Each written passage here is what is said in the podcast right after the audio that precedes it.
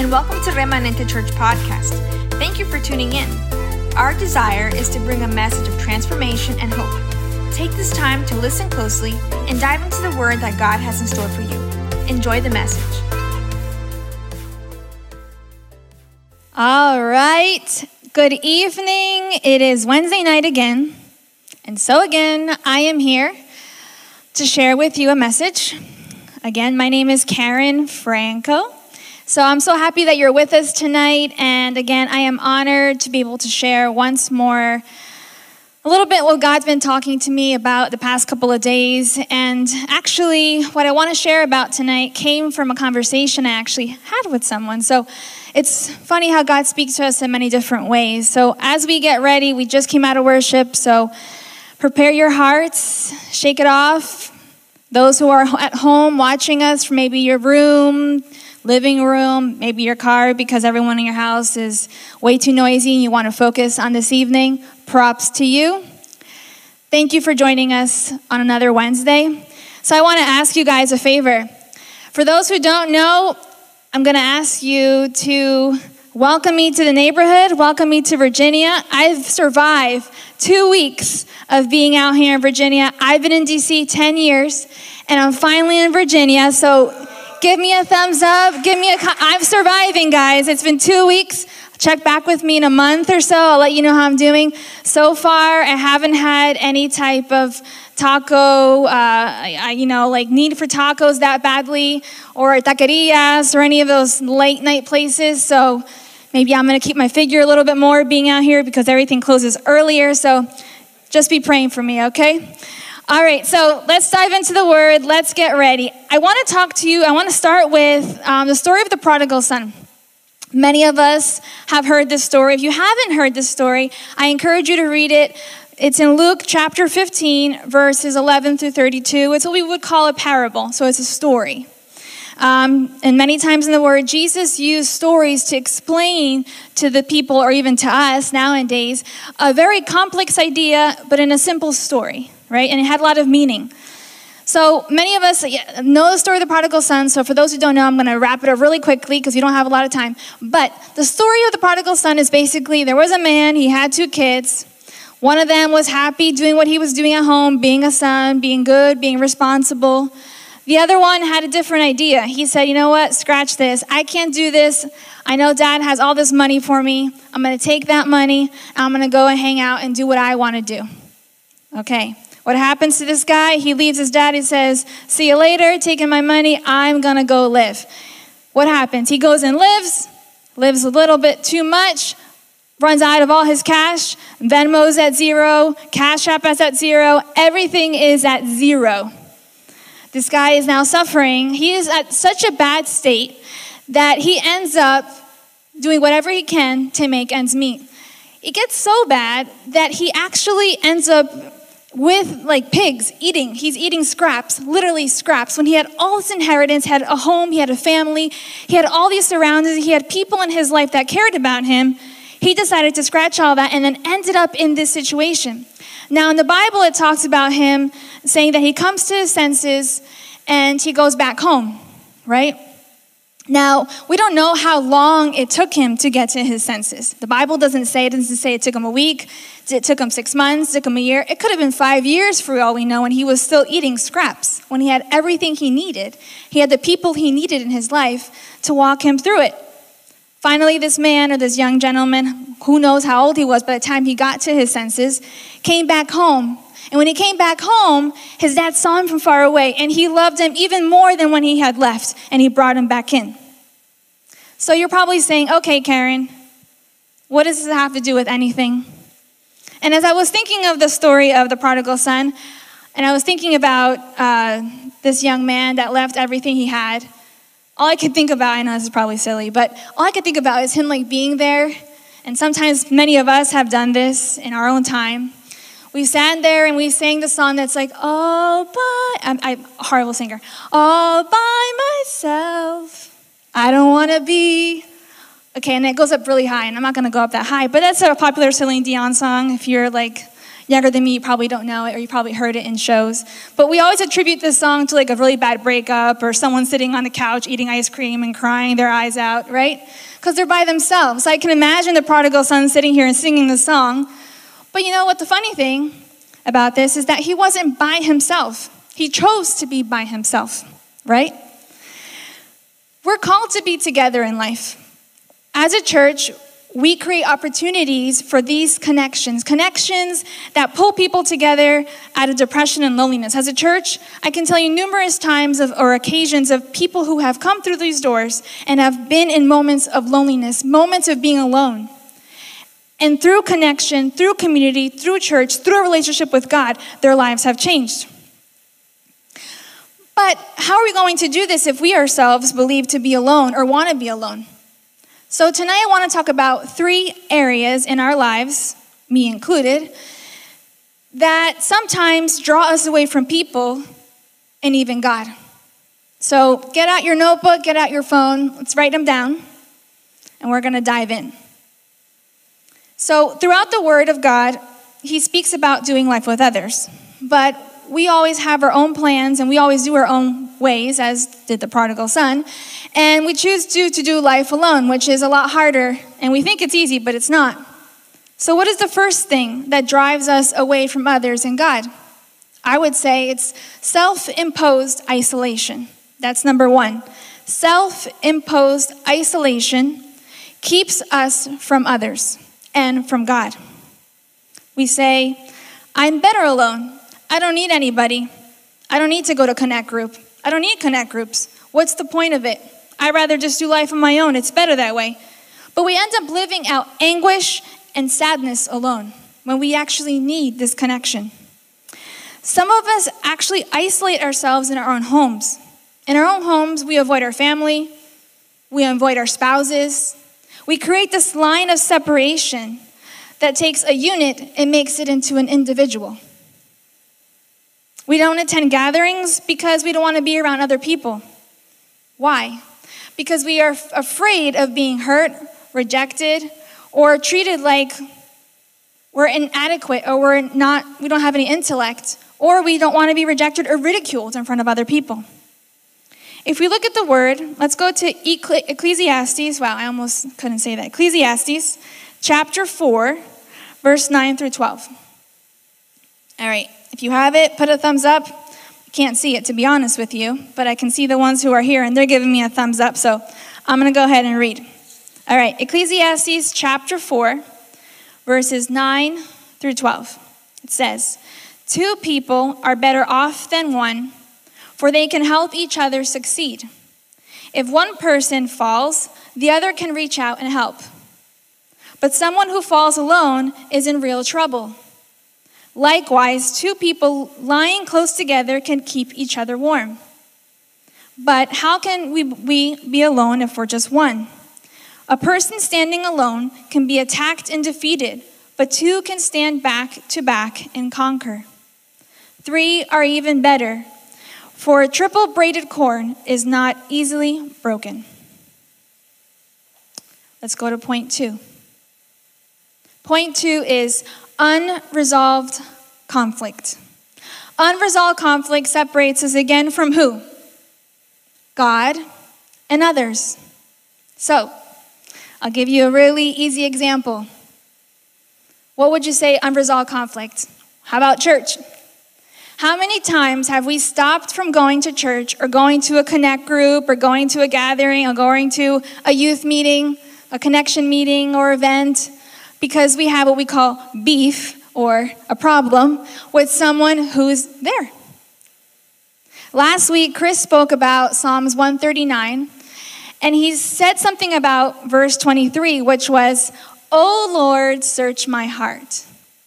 How many times have we avoided having to be in a place because we have conflict with someone else? Or how about how many times have we avoided God because He's done something, or we believe He's done something to mess everything up? We hold a grudge against God and blame Him so quickly that we treat Him like a boyfriend or a girlfriend or a sibling, a cousin, a family member, a coworker, or even a pastor when they made you upset. So what? You don't call? You don't text? You don't say hi? You don't say anything. You unfriend them? You move them from close friends to just friends on Instagram, right?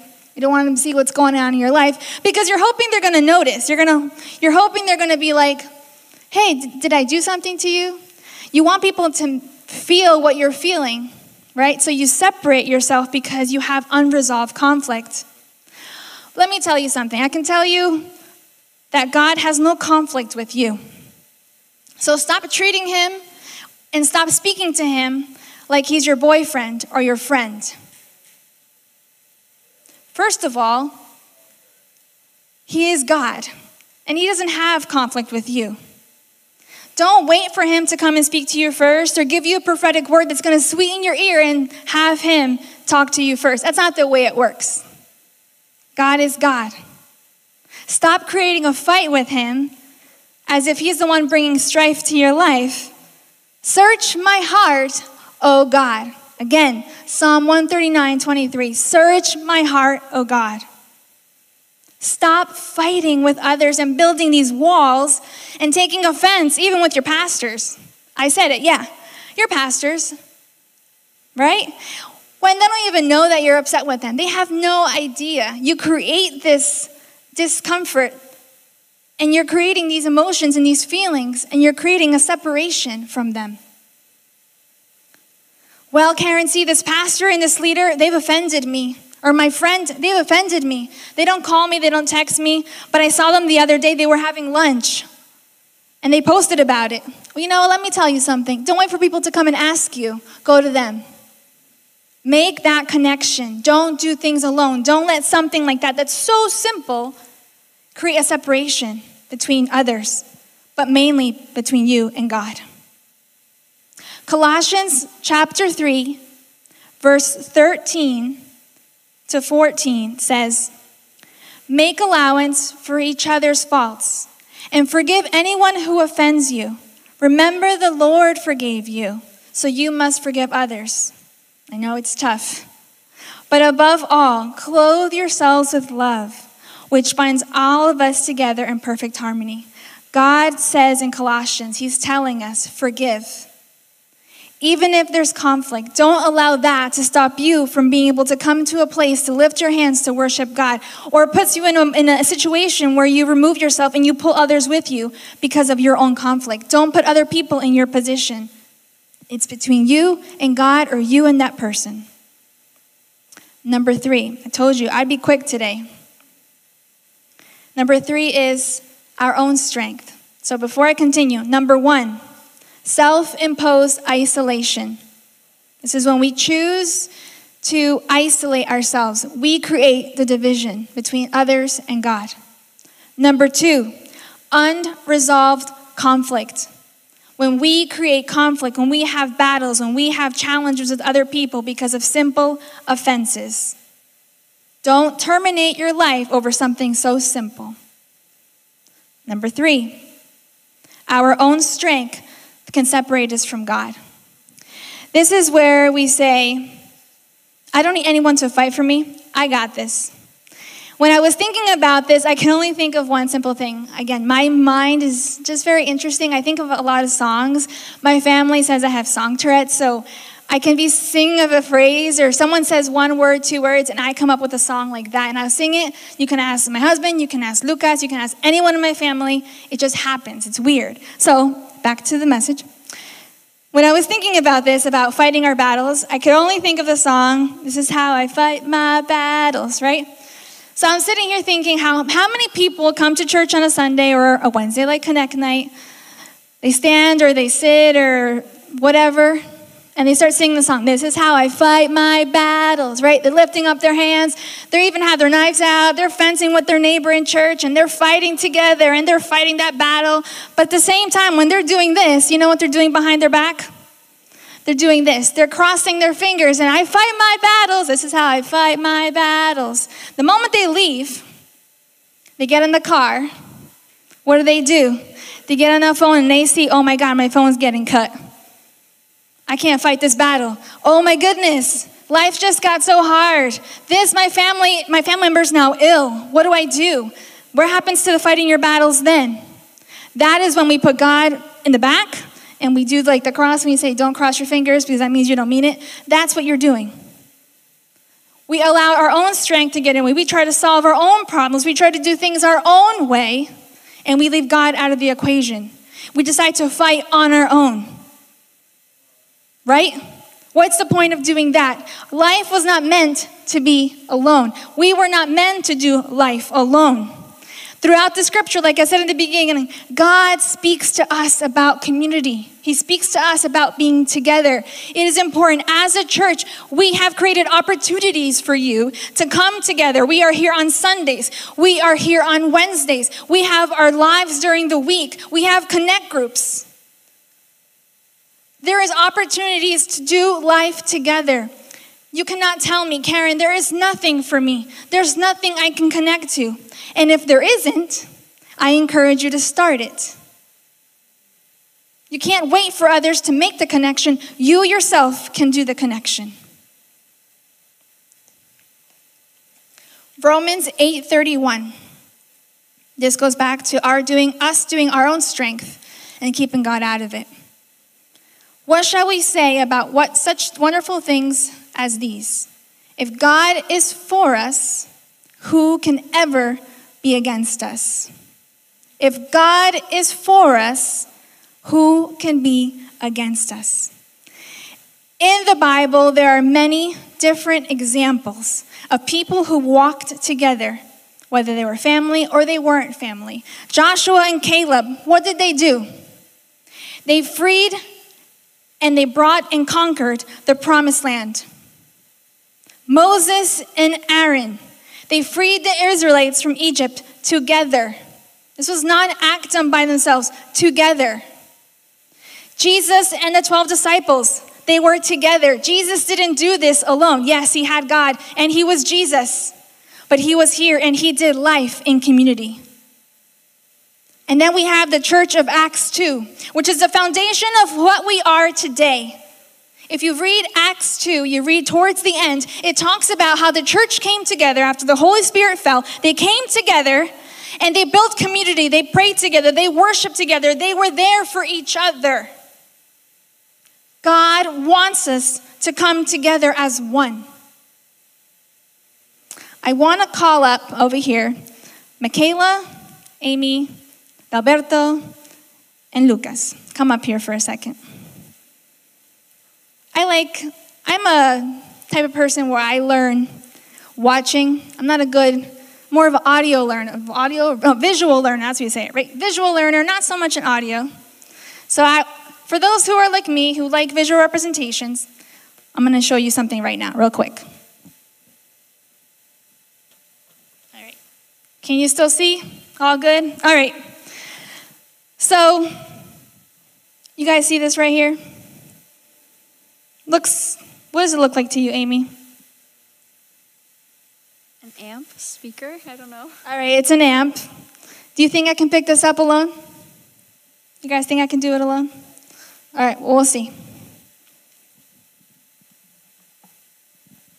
I can't do it. Can I do it? No. Can I do it? No. Okay, I can't do it. All right, I, I can't do it like this. I can't do it like this. I legit can push it back, but I can't move it. I can't. I just can't do it alone. All right, guys, you're going to help me. Each of you grab a corner.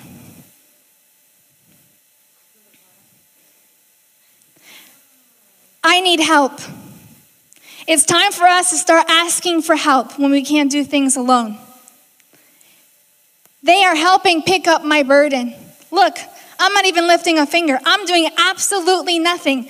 They are carrying my burden. I am doing life with them. They represent, you know what they represent? They represent God, friends, family, pastors, leaders, prayer, you name it. That's what they represent in this moment right now.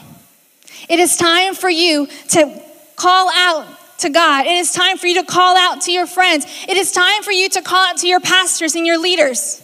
You might say to me, and you guys, you could put that down. So sorry. Probably super heavy. And you guys could just stay up here. It's fine. JJ, you can come up. It is time for us to reach out. If in this moment you are alone and you are facing moments of uncertainty, of depression, of fear, of moments where you don't know what to do, you have a church, you have pastors, you have leaders, you have family that is there for you, to pray for you, to hold your hand, to lift your arms up. In the story in Exodus, chapter, I think it's 17, there's a story about Moses, and it's the battle with the, um, I hope I don't butcher this, Amalekites. And I'm sorry if I'm saying that wrong. But there's a story about a battle that was happening. The Israelites were facing yet again another battle. I feel like whenever I'm up here, I talk about the Israelites so much, but there's so much, there's so much there. So again, Moses is there and they're in the middle of a battle, and God had instructed Moses to grab a staff or a rod, whatever you want to call it. And the moment he would lift up that rod, Israelites would be winning the battle. Do you know how hard it must be, or how hard it must have been for Moses to stand there with a rod, praying and asking God, I don't want to drop this. We need to win this battle. He didn't do it alone. Yes, God was there. Yes, and he backed him up. But there was two men, their name were Aaron and Hur. You know what they did for him? They grabbed a rock. That rock, they placed it down for Moses. I'm going to be Moses for a second. He was tired and he sat on that rock. You know what those two men did? Michaela, Amy, come close. You know what he did? He was tired. And you know what they did? They lifted up his arms. And you know what happened when they lifted up his arms? They held him so high until Moses was able to bring the Israelites into victory. Because God, thank you, ladies, because God had promised that, but they helped bring that win. They helped bring that victory. It is time for us to not do life alone. We need to stop allowing pride, our ego, our mentality of being holier than thou that I am better than you, that your low self esteem gets in the way. We are literally allowing ourselves to not cry out for help because we just want to drown in our own sorrow. We are so used to licking our wounds, and it's so easy to do that, but you cannot do life alone anymore. I want to share with you something that's personal to, to Chris and I. Earlier this year, we had a situation, and we could have decided to do it alone. But let me tell you, we knew that we couldn't. We knew that we needed God. And we know what we did before we called family or anything, we called our pastors. And what did they do for us? They lifted up our arms and they prayed with us. And they were what helped us bridge into what we needed to do.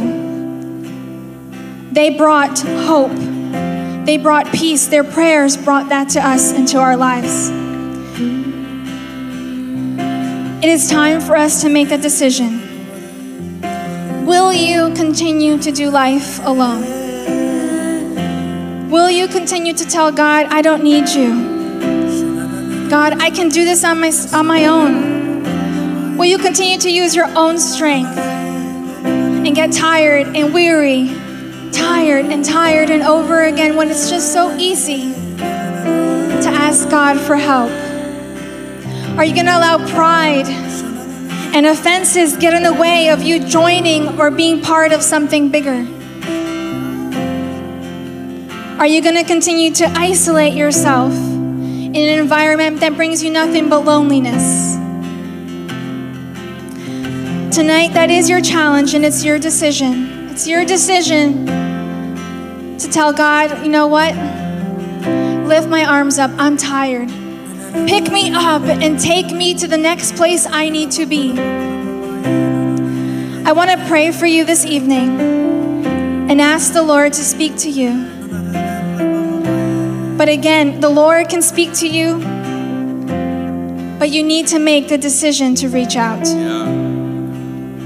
God is always there. Yes, indeed. But God has always placed and has always and continues to place people in your lives here in the church.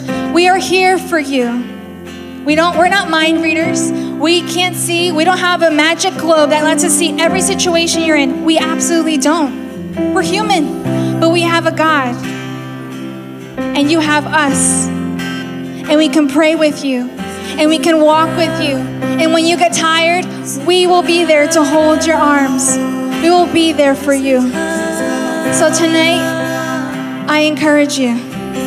Join me in this prayer. Lord, tonight I place before you every person who is watching and every person who will watch and every person who will listen. Lord God, whatever they're facing, Lord God, if they're in a, a, prison of isolation, in a prison where they're confined and they cannot see a way out, or they've grabbed the key, locked the door, and tossed the key out because they don't want anyone to rescue them, Lord God, I ask you to speak to them this evening. I ask you to speak to their hearts. Free them, Lord God. Open up, Lord God, their voices to speak out and cry out for help. There is no shame, Lord God, in calling out to you and saying, God, I need you. Lord God, capture their hearts.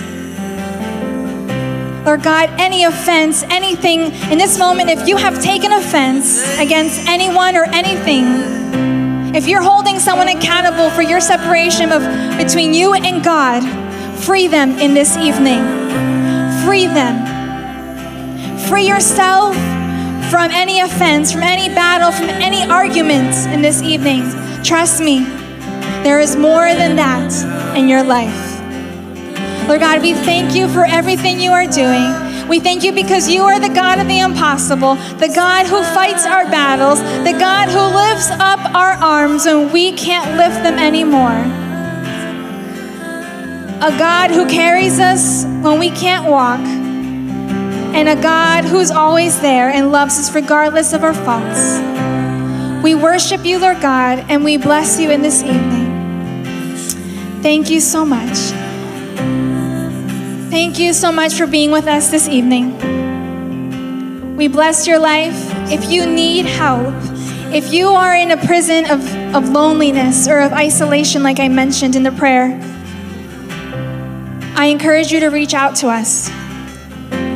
You have a church, you have a family who loves you and who wants to be there to walk with you. A Christian walk was not made to be alone, and we want to be there for you. Please reach out, write us. You can even email us. You can send us an email for a prayer request or message us privately on our Facebook or our Instagram, anywhere you can find us. We love you so much. We want to fight with you. We love you and God bless you in this evening. See you next week.